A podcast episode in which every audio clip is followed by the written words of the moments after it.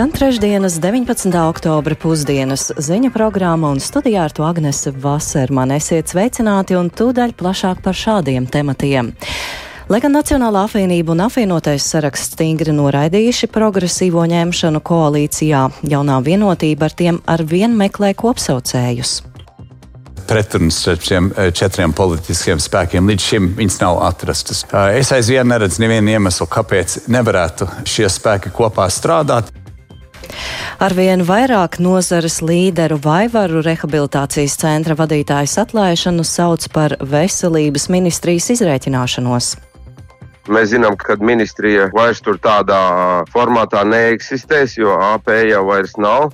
Tas ir tāds pirms beigu kliedziens, kaut ko pierādīt, bet nu, tie argumenti tie nav patiesi. Situācija Ukrainas frontē ir sarežģīta. Iespējams, Krievija gatavo jaunus uzbrukumus.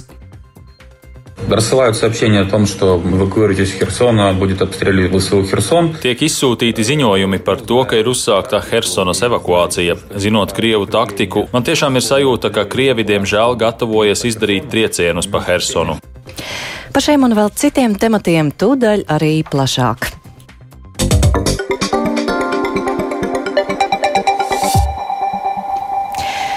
Partijas progresīvie pārstāvji turpinās piedalīties sarunās par nākamās valdības darāmajiem darbiem, lai arī šīs partijas darbu valdībā noraida Nacionālās apvienības un apvienotā saraksta politiķi. Premjers Krišāns Kariņš no jaunās vienotības aizvien ir citās domās. Un, lai par to runātu plašāk, šobrīd studijā ir kolēģis Jānis Kīncis. Sveicināts! Sveika, Agnēs, sveicināti klausītāji! Kāpēc par spīti divu potenciālās koalīcijas partneru šiem te iebildumiem progresīvie joprojām turpinās dalības sarunās? Jā, nu, lielā mērā tā notiek tāpēc, ka jaunā vienotība un Krišjāns Kariņš turpina pārliecinoši paust, ka neredz pretrunas ne ar progresīvajiem, ne arī ar pārējiem potenciālajiem koalīcijas partneriem lielajos tēmu lokos piemēram, par izglītības un zinātnes, par valsts aizsardzības un par ekonomikas attīstības jautājumiem tāda liela pretruna nesot. Tās visas lietas ir izrunātas vakar ar apvienoto sarakstu Nacionālo apvienību, un šodien arī šorīt arī ar progresīviem šīs sarunas nesen kā beidzās. Un tad tāpat aizvien stabilitātes vārdā tiek pieminēta koalīcija ar 64 balsīm, tātad ieskaitot arī progresīvos. Un partija progresīvi arī kā nākamās valdības vairākus uzdevumus arī jau piemin, teiksim, kā vienu no tādiem viņš redz apturētā, viņi redz Rīga, apturētā Rīgas attīstības plānojuma apstiprināšanu. Tāpat tās arī par tādām lietām kā valsts kapitāla sabiedrība pārvaldības modeļa maiņa. Viņi runā, redzot to premjeru pāraudzībā. Tāpat tās kā trešo tematu viņi piemin arī vienota minimālo ienākumu sistēmas attīstību, tā skaitā minimālās pensijas aprēķina maiņu, par iespējām strādāt puslodes darba bērnu kopšanas atvaļinājumā un arī citiem jautājumiem. Nu, progresīvo viens no līderiem, Kaspars Briškens, ir pārliecināts, ka partija savu intelektuālo varēšanu varēs pierādīt arī šo partijas, partiju sarunu turpinājumā, tāpat laikā viņš vairāk kārt uzsvēra, ka cer uz dialogu tomēr arī ar apvienoto sarakstu un Nacionālo apvienību. Varam paklausīties, ko viņš pauda.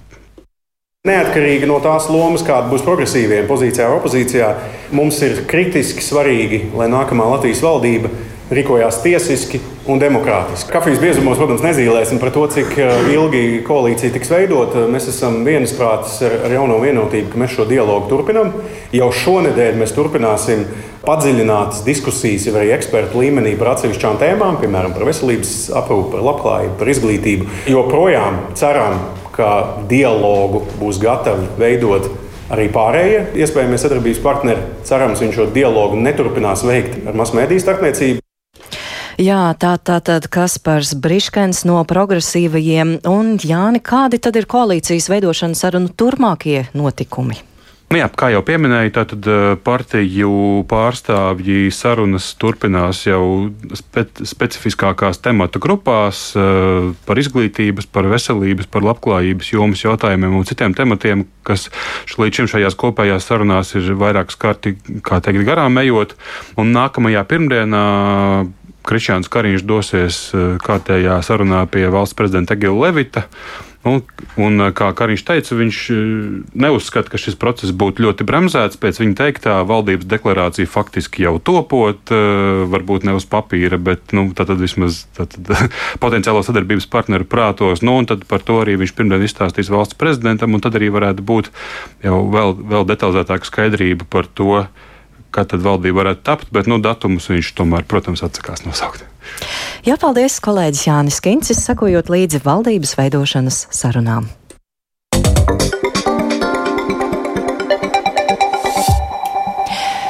Interešu konflikts, radinieku nodarbināšana un vaivaru rehabilitācijas centra telpās esošai ģimenes ārstu praksē, kurā pati strādā, īpaši labvēlīgu lēmumu pieņemšana. Šie ir galvenie pārmetumi, kur atklājušies dienesta pārbaudē vaivaru rehabilitācijas centrā. Tās rezultātā amatu vakar zaudēja centra ilgadējā priekšsēdētāja Anda Nūle. Pati Nūle pārmetumiem nepiekrīt un norāda uz vaivaru kapitāla daļu turētājas veselības ministrijas valsts sekretāra sekretāras Indras Dreikas nekompetenci, personīgiem aizvainojumiem, kā arī aroganto uzvedību, mobbingu un bosingu. Uz šādu darba stilu gan nenorāda viena pati nulle, to izceļ arī citi nozarē strādājošie. Par šo tēmatu Kristaps Feldmanis. Līdzšinējā rehabilitācijas centra vaivari vadītāja Anna Nulle darbu iestādes vadītājas amatā savienojusi ar darbu centra telpās esošajā ģimenes ārsta praksē. Likums gan to neliedz, jo ārstam ir atļauts praktizēt, lai uzturētu savu certifikātu, taču ministrijas uzticību Nulle zaudējusi, jo centra vadītājas amatā pieņēmusi lēmumus, kas negodīgi, labvēlīgi šo praksi ietekmējuši. Proti radies interešu konflikts. Viss par šiem un vēl citiem pārmetumiem smalki aprakstīts 15 lapas pušu garā dienesta pārbaudas ziņojumā, kurš nonācis arī Latvijas radio rīcībā. Nulle gan šos pārmetumus par interešu konfliktu noraida. Piemēram, lemjot par kādu konkrētu lēmumu saistībā ar dalību kādā Eiropas projektā, viņa atturējusies lēmumu pieņemt aicinot otram valdes loceklim. Sazvanīta trešdienā, Nulle savu nostāju nav mainījusi, viņa aizvien ziņojumam nepiekrīt. Protams, esmu iepazinusies gan jāatzīst tikai pēc tam, kad tiku atstādināta no amata. Tas arī tāds viens no mobbing, bossing un personības iezīmēm, ja cilvēku ar informāciju, kas ir savākt, iepazīstina pēc tam, kad viss lēmums jau ir pieņemts. Es gribētu teikt, ka ietoties ar šo paveiktu vien pie tā, ka tas ir dziļš starppersonu konflikts, dziļš aizvainojums. Nulles atstādināšana gan jau radījusi jautājumus par to, vai notikušais ir bijis atbilstošs lēmums vai tomēr personīgas nepatikas izrādīšana. Bijusī Vaivaru rehabilitācijas centra vadītāja Anna Nulle norāda uz veselības ministrijas valsts sekretāras Indras Dreikas aroganto vadības stilu, mobbingu un bossingu, kas vies cauri abu sadarbībai jau sen. Taču lēmumā par nulles atstādināšanu viņa saskata arī iespējamu personīgu atriebību. Proti laikā, kad Indra Dreika vēl strādājusi Jurmals domē, padomē nulle bloķējusi daļas vaivariem piedarošās zemes nodošanu Jūrmālas pilsētai. Pati Dreika gan visa veida pārmetumus noraida, skaidrojot, dienesta pārbaudē konstatētie fakti likuši rīkoties. Es nevaru rīkoties citādi, kā vien atstādinot uh, valdes priekšsēdētāju, arī visas pēdējā laika darbības rāda, ka tās netiek vērstas tieši vaivaru interesēm. Valsts pārvaldē ir jābūt caurspīdīgai rīcībai, visiem lēmumiem ir jābūt pamatojamiem, šeit nedrīkst būt interešu konflikts konflikts un nav vietas radiniekiem, kuru savu kvalifikāciju nav parādījuši konkursu kārtībā. Šīs ir tās lietas, kuras man liek pieņemt lēmumu par to, ka Anda Nula ir zaudējusi uzticību, vienlaicīgi saglabājot visu cīņu, kā rehabilitologs, kā ārsts. Taču līdzīgu vērtējumu par valsts sekretāri sniedz arī Latvijas slimnīcu biedrībā, kurā apvienojušās 38 veselības aprūpas iestādes no visas Latvijas. Biedrības vadītājs Jevgeņijs Kalējs uzskata, nulles atstādināšana no vaivaru vadītāja amata nav atbalstāma savukārt par valsts sekretāras nepieņemamo vadības stilu, kuru tai pārmet arī Anna Nulle, slimnīcu biedrības sēdēs nākoties dzirdēt ik pa laikam arī no citiem kolēģiem. Mēs zinām, ka ministrija vairs tur tādā formātā neeksistēs, jo AP jau vairs nav. Un tas ir tāds pirms beigu kliedziens, kaut ko pierādīt, bet nu, tie argumenti, kas tur ir minēti, vismaz pēc mūsu ziņām, tie nav patiesi. Un dakteris Nulles skaidrojumā parādās arī vērtējums par valsts sekretāru Ingu Dreiku, tur parādās mobbings un bossings. Vai arī starp slimnīcu biedrības biedriem plašāk ir bijušas kaut kādas situācijas eh, komunikācijā ar valsts sekretāru. Nu, kaut kas līdzīgs arī dzirdēts no slimnīcas vadītājiem. Vairākās sēdēs ir bijis apmēram tāda pati situācija. Veselības ministrija ar dienesta pārbaudas ziņojumā konstatēto vērsusies arī korupcijas novēršanas un apkarošanas birojā, lai lūgtu birojam izmeklēt iespējamos pārkāpumus. Savukārt, runājot par slimnīcu biedrības un Andas nulles pārmetumiem valsts sekretārei, Latvijas radio vēlējās runāt arī ar veselības ministru Danielu Pavļutu no attīstībai par, lai noskaidrotu, vai līdz šim ministrs nav saņēmis sūdzības par valsts sekretāras darba stilu, taču ministrijā norādīja, ka Pavļuts komentāru nesniegšot. Kristaps Feldmanis, Latvijas radio.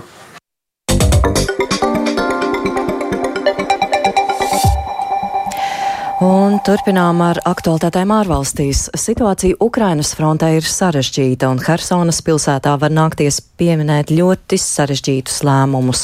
Šādi komentējot situāciju frontē Ukrainā ir izteicies jaunais Krievijas bruņoto spēku komandieris, kurš atbildīgs par uzbrukumiem Ukrainai.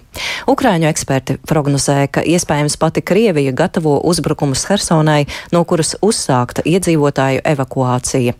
Tikmēr ANO drošības padomē šodien plānots aktualizēt jautājumu par Irānas militāro palīdzību Krievijai. Par to vairāk stāsta Uģis Lībietis. Līdzīgi kā iepriekšējās dienās, arī šorīt vairāki Ukrainas reģioni tika pakļauti intensīvām apšaudēm no Krievijas puses, un arī šoreiz bojāta ir Ukrainas energoapgādes infrastruktūra. Ukrainas avārijas dienesti cenšas novērst radušos bojājumus, lai atjaunotu enerģijas piegādi pienācīgā apmērā. Bet kamēr Ukraina turpina novērst kārdarbības radītās sekas, aktīvās sadursmes frontē arī neapstājas. Jaunākā Ukrainas ģenerālštāba sniegtā informācija liecina, ka Krievijas spēku pusē varētu būt gājuši bojā nu jau vairāk nekā 66 tūkstoši cilvēku. Kā šodien ziņo Britu izlūkdienesti, Krievijas bruņoto spēku vadība ir atlaidusi četrus no pieciem ģenerāļiem, kuri šī gada februārī komandēja iebrukumu Ukrainā. Arī viņu vietā ieceltie komandieri kārdarbības veikšanas kvalitāti īsti uzlabojuši nav. Un tieši vakar, pirmo reizi pēc iecelšanas amatā, situāciju frontē komentēja Krievijas bruņoto spēku komandieris Sergejs Surovikins. Viņš atzina, ka situācija frontē vietām ir sarežģīta un izaicinoša, bet runājot par Ukraiņas spēku vēlmu drīzumā atbrīvot Helsons pilsētu, Surovikins pieļāvis, ka var nākties pieņemt ļoti sarežģītus lēmumus.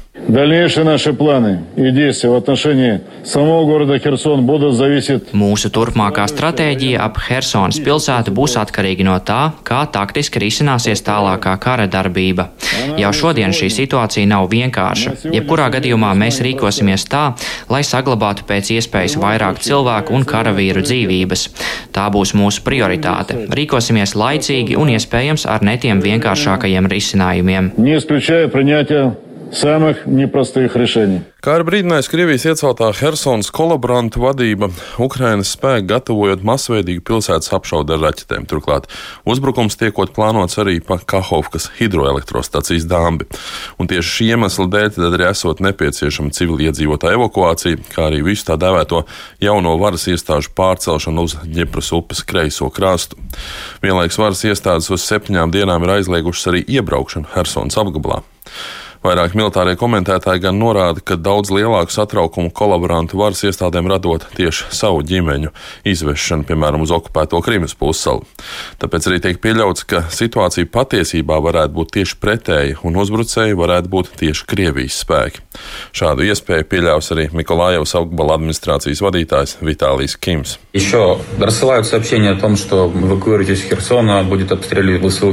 Tiek izsūtīti ziņojumi par to, ka ir uzsāktā Hersona. Helsonas evakuācija. Zinot Krievu taktiku un zinot arī to, ka viņi veido nostiprinājumus Čaplinskas tūmā, lai varētu izdarīt triecienus pa Helsonu, man tiešām ir sajūta, ka Krievi diemžēl gatavojas izdarīt triecienus pa Helsonu Русские готовятся бить по Херсону, к сожалению. Krievijā šodien ir gaidām drošības padomas tikšanās, kur vadīs Vladimirs Putins. Iepriekš ir izskanējuši minējumi, ka šīs dienas tikšanās laikā varētu tikt paziņots par kara stāvokļa izsludināšanu Krievijā vai robežu slēgšanu.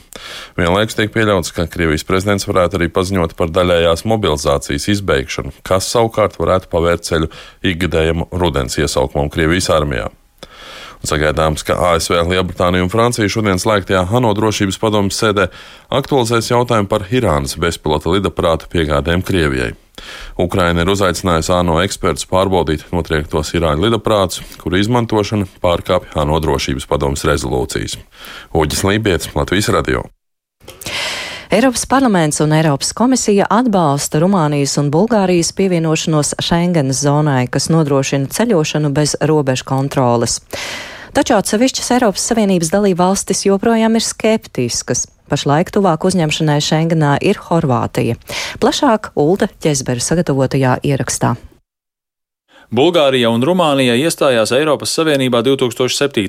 gadā, bet tās nav kļuvušas par Schengenas zonas dalību valstīm. Tas nozīmē, ka uz abu valstu robežām ar citām Eiropas Savienības dalību valstīm joprojām veids personu un transporta līdzekļu pārbaudes. Nereti tas nozīmē garas robežšķērsotāju rindas, kas apgrūtina ceļošanu un tirdzniecību. Eiropas parlaments jau 2011. gadā rekomendēja Eiropas Savienības padomei atbalstīt abu valstu pievienošanu Schengenas zonai, norādot, ka Rumānija un Bulgārija ir izpildījušas visus nepieciešamos nosacījumus. Taču Nīderlande un Somija nobloķēja abu valstu uzņemšanu. Toreiz kā galvenos iemeslus Rumānijas un Bulgārijas neiekļaušanai Schengenas zonā minēja nespēju apkarot korupciju un organizēto noziedzību. Pašlaik prezidējošā Eiropas Savienības dalībvalsts Čehija par vienu no savām prioritātēm ir izvirzījusi Schengenas zonas paplašināšanu. Čehijas Eiropas lietu ministrs Mikulāšs Beks uzskata, ka tas ir īpaši svarīgi laikā, kad Krievija izvērš karu Ukrainā. Bulgārija un Rumānija ir izpildījušas visus nepieciešamos nosacījumus, lai Eiropas Savienības padome varētu apspriest iespēju atcelt pārbaudas uz iekšējām robežām.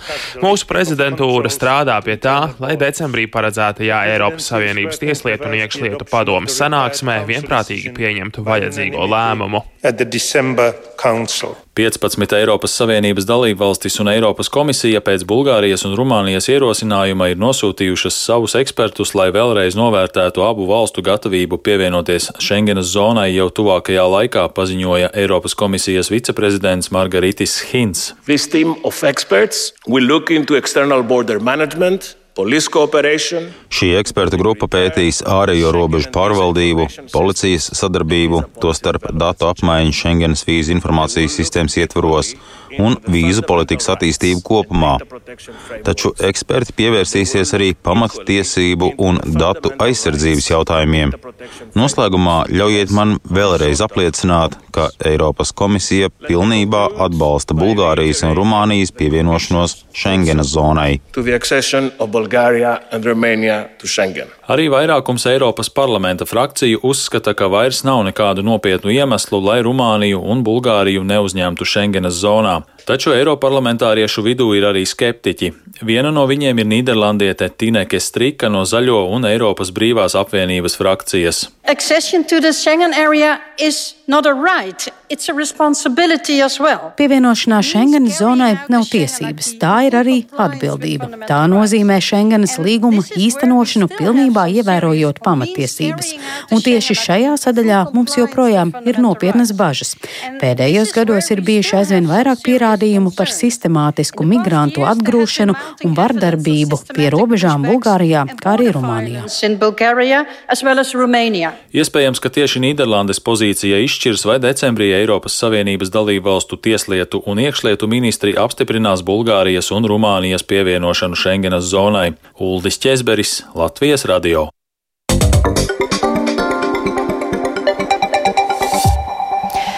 Un pie norisēm tepat mūsu valstī bērniem ar uzvedības problēmām vai to risku, kā arī viņu ģimenēm, nav pieejams nepieciešamais atbalsts, tā ir secinājusi valsts kontrole.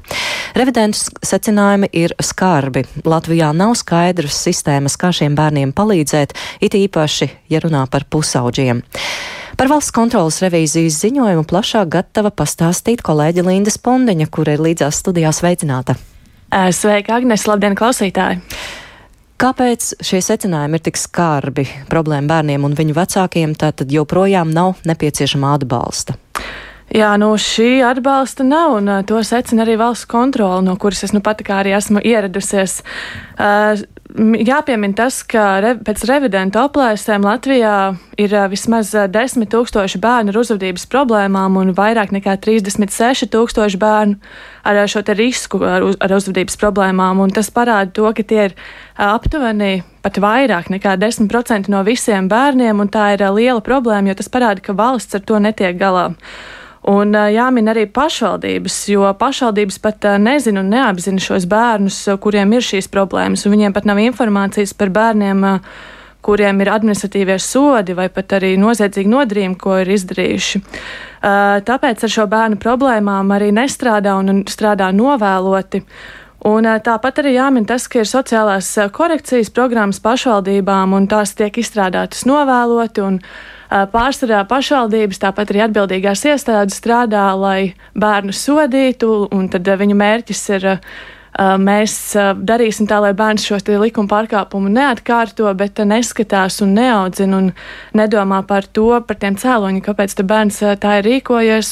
Cēloņi ir diezgan plaši. Tā ir ģimene, ģimenes attieksme, varbūt situācija mainās ģimenē, varbūt bērnu vecāki nespēj sniegt šo atbalstu, un tad problēmas ir visplašākās.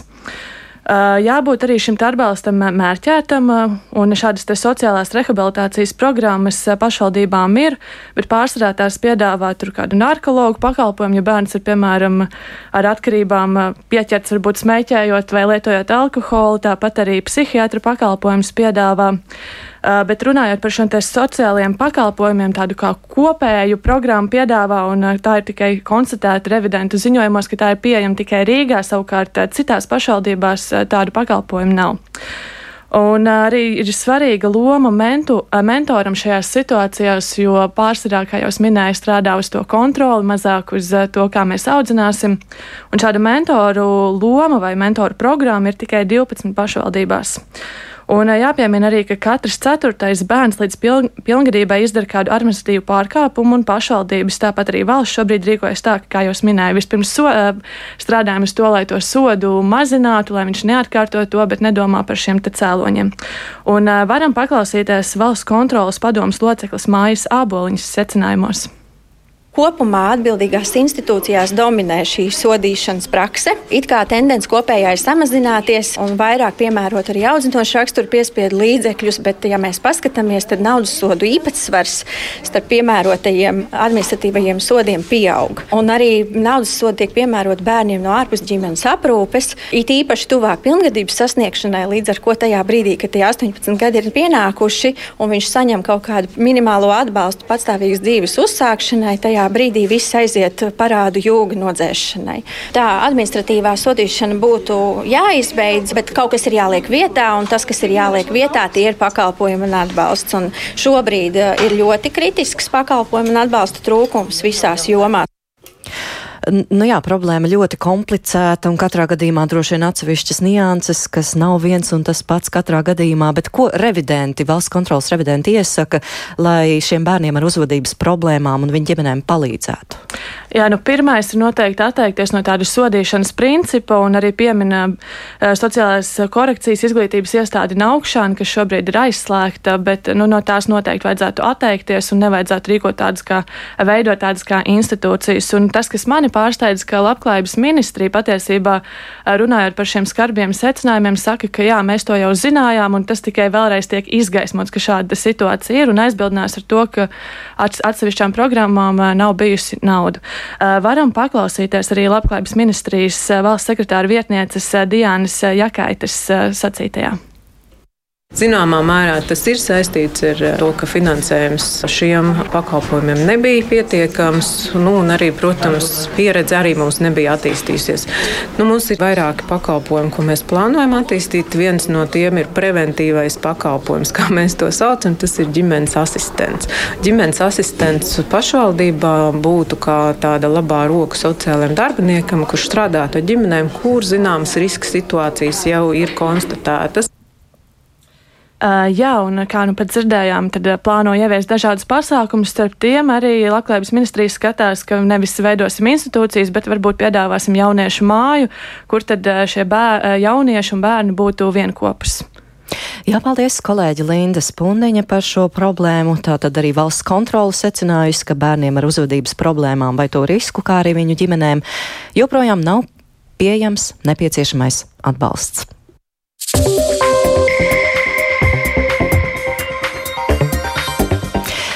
Ar to arī izskan Latvijas radio ziņu programma Pusdiena. Producents Edgars Kupčs, ierakstus montēja Renāša Steimanis, pieskaņa pults Katrīna Bramberga, studijā Agnese Vasermane.